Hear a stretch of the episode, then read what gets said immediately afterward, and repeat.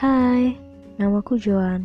Aku akan buat podcast dan podcast ini aku beri nama Suara Tanpa Batas.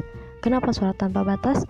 Ya, karena semua podcast ini bakal aku tuangin cerita-ceritaku, suara dari hatiku, dan suara ini suara yang tanpa batas. Pokoknya semoga kalian suka dengan podcast-podcastku nanti. Dan see you di podcast aku selanjutnya ya. Bye.